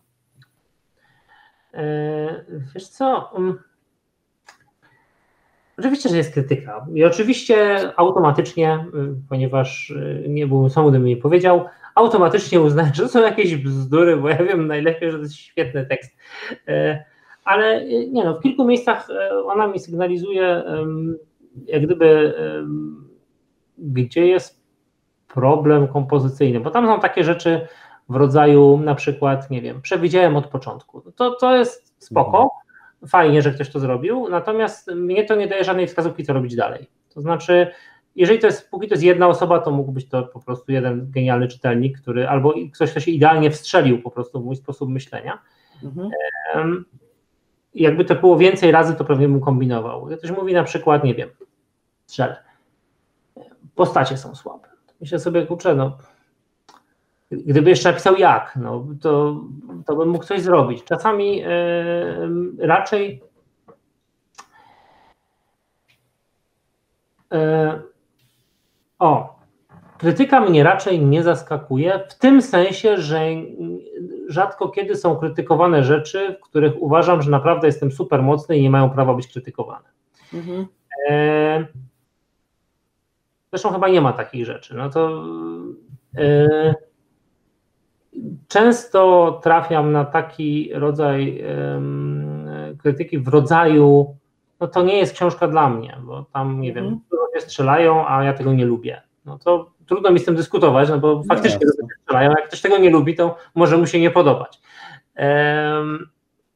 nie zmienię sposobu pisania, bo ta książka poniekąd jest też o wojnie, w związku z tym, jeżeli to, co, jeżeli wojna w tym aspekcie, znaczy w tym natężeniu, w którym jest w tej książce jest za dużo, no to, to mam problem. No, to nie ten czytelnik ma problem, tylko ja mam bo raczej do niego nie trafię, dopóki nie skończę tej serii i nie zacznę jakiejś innej. Nie wiem. Rzadko mi się zdarza tak, że widzę spójny, jak gdyby front, w sensie, nie wiem, 30 osób krytykuje mnie o to samo. E, I jest to za każdym razem ta rzecz, którą mogę zmienić. No, bo jeżeli ktoś mi na przykład powie, że no nie wiem, źle przeliczam, albo że jest nie wiem, niejasno prowadzone coś. To wtedy mogę myśleć, ok, to jak to zrobić jaśniej. E, I, i taką uwagą, którą pamiętam, e, a właściwie taką, takim raz, raz mi się ten spójny front trafił, nie licząc Gambitu. Gambit traktuję jako debiut i tam było sporo uwag i one mi się wszystkie przydały. Mhm. E, natomiast taką z późniejszej fazy to było to, że odkryłem dzięki uwagom właśnie czytelnikom i krytyce, że to jest granica tego, jak ja mogę przekombinować fabułę. Mhm. Nie powinienem tego robić bardziej, powinienem raczej zejść w dół, bo nawet ludzie, którzy za nią nadążali, uważali, że to jest już nieatrakcyjne. A to znaczy, że nawet ludzie, e, którzy ja myślałem, że, znaczy myślałem, liczę na to, że jednak większość ludzi nadążała, ale, e, ale powiedzmy od pewnego momentu ludzie uważają, że coś jest przekombinowane i trzeba uważać. Jak się przekroczy tą linię, no to potem nawet ludzie, którzy lubią, y, nie wiem, koronkowe plany, uznają, że im się to nie podoba. A mhm. ponieważ chciałbym, żeby się moje książki jednak ludziom podobały, e, ja sam czułem, że jestem trochę blisko tej granicy. Myślałem, że jestem jeszcze po właściwej stronie, ale okazało się, że chyba nie. E, więc zacząłem iść trochę w inną stronę.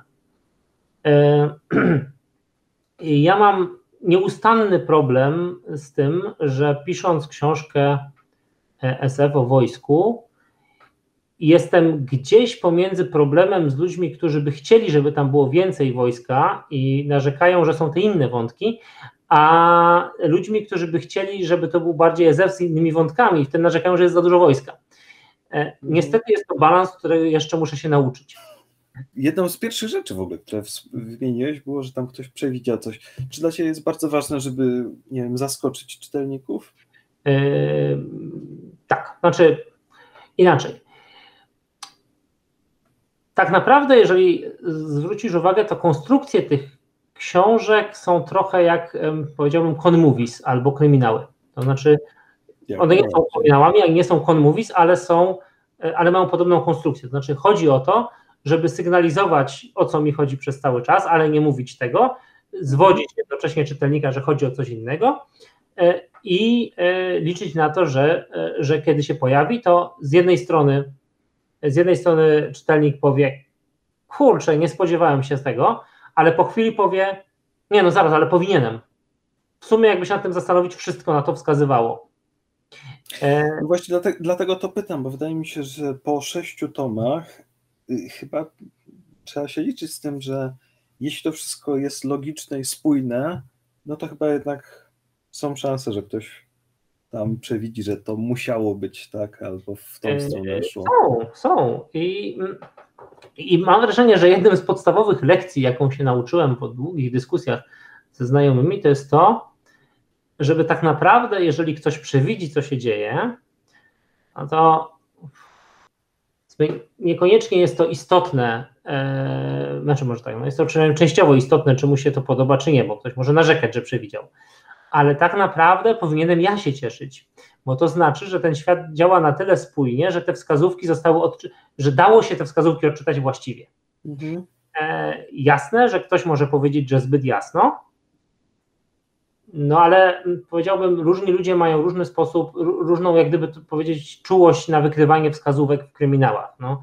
E, mam na przykład znajomego, który czyta kryminały po prostu namiętnie, ogląda Conmovies no, na potęgę, i szczerze powiedziawszy, jak on siada do filmu ze mną, to, no to on się domyśla rzeczy dużo szybciej niż ja. E, w związku z tym są tacy, zakładam również, którzy czytają moje książki, są tacy, którzy domyślają się szybciej, a są tacy, którzy domyślają się wolniej, a są tacy, którzy w ogóle nie chcą o tym myśleć i dają się jak gdyby ciągnąć tej linii i zobaczyć, co będzie. E, takich lubię najbardziej oczywiście, ponieważ e, oni osiągną, tam się da osiągnąć dokładnie ten efekt, o który, o który mi chodzi. W paru miejscach, no był taki moment, kiedy, yy, kiedy i byłem w sumie z tego powodu całkiem zadowolony, że cesarza mi przewidzieli. Mhm. Ten zwrot Sente, który część ludzi przewidziała, a część nie i to znaczyło, i, i to był dla mnie sygnał, że ok, dobrze, było dobrze, bo, bo dało się to przewidzieć, ale jednocześnie to nie było tak, że ludzie to wszyscy przewidzieli. Eee, teraz oczywiście drżę, czy zostanie przewidziane zakończenie. I na razie jest tak, że, że, że dużo ludzi widzi pewne sygnały dotyczące zakończenia.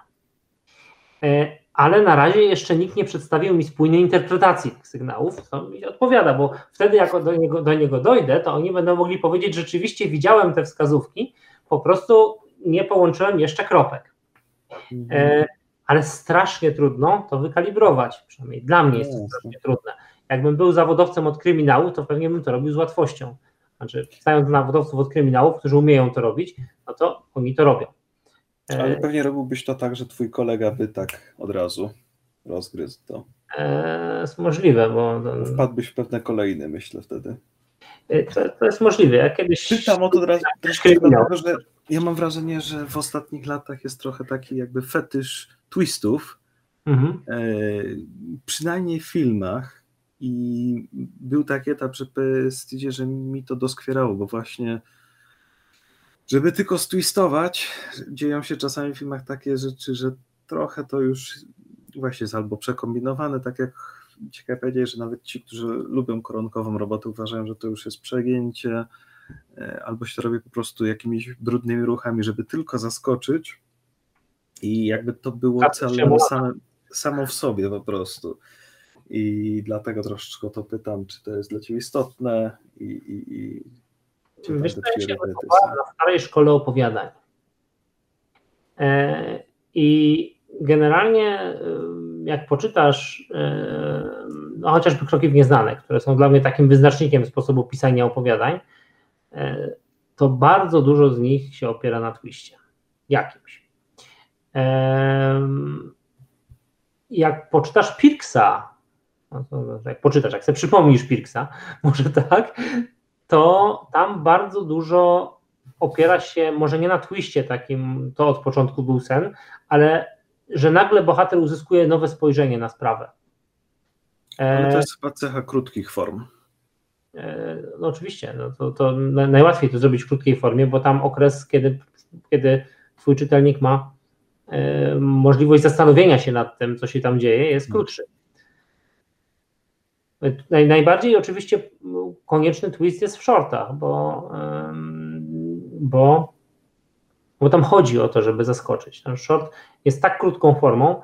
E, ja na przykład bardzo nie rozumiem formy miniatury. To znaczy, mhm. E, która w mojej głowie się pojawiła jako, a właściwie nie w mojej głowie, znaczy ja tak patrzę na miniatury, które się pojawiają, jako to, że ktoś ma pomysł na shorta, ale bez twista na końcu i nazywa to w związku z tym miniaturą. E, I one do mnie nie przemawiają. E, no mniej więcej tak jak dowcipy bez, bez puenty do mnie nie przemawiają. No to, e, natomiast są ludzie, którzy je lubią, bo miniatura potrafi być na przykład bardzo dobrym mm, gdyby pokazem warsztatu. Mhm. Takiego czysto technicznego i no, ja trochę zazdroszczę takim, którzy potrafią w trzy strony napisać coś, co nie ma twista, który dla mnie tam ma punkty atrakcyjności sam z siebie, jeżeli jest dobrze zrobiony, y, ale, ale nadal jest atrakcyjny. To,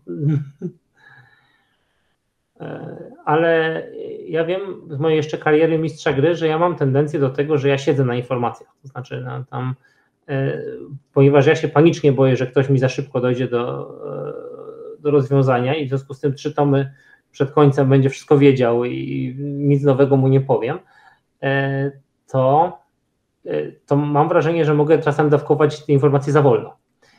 E, a to wiem z kolei z krytyki, tutaj proszę bardzo, e, jeszcze moich graczy moich sesji. Znaczy, moich graczy, którzy krytykowali moje sesje. Mhm. Mieli sporo racji, jak się nad tym zastanowię, choć oczywiście wtedy bym w życiu im racji nie przyznał, bo no, no bo come on, nie od tego człowiek jest twórcą czegokolwiek, żeby przyznawać rację komukolwiek innemu. Okej. Okay. Um, e, ale no, w międzyczasie się zestarzałem i się zorientowałem, że czasem inni też mają rację, nie tylko ja. jest to przykre, przykre zdanie sobie sprawy, ale jak gdyby bardzo uspokaja nagle, bo człowiekowi się nie chce wszystkiego kontestować. Tak. I mu się zastanowić nad tym, co inni mówią.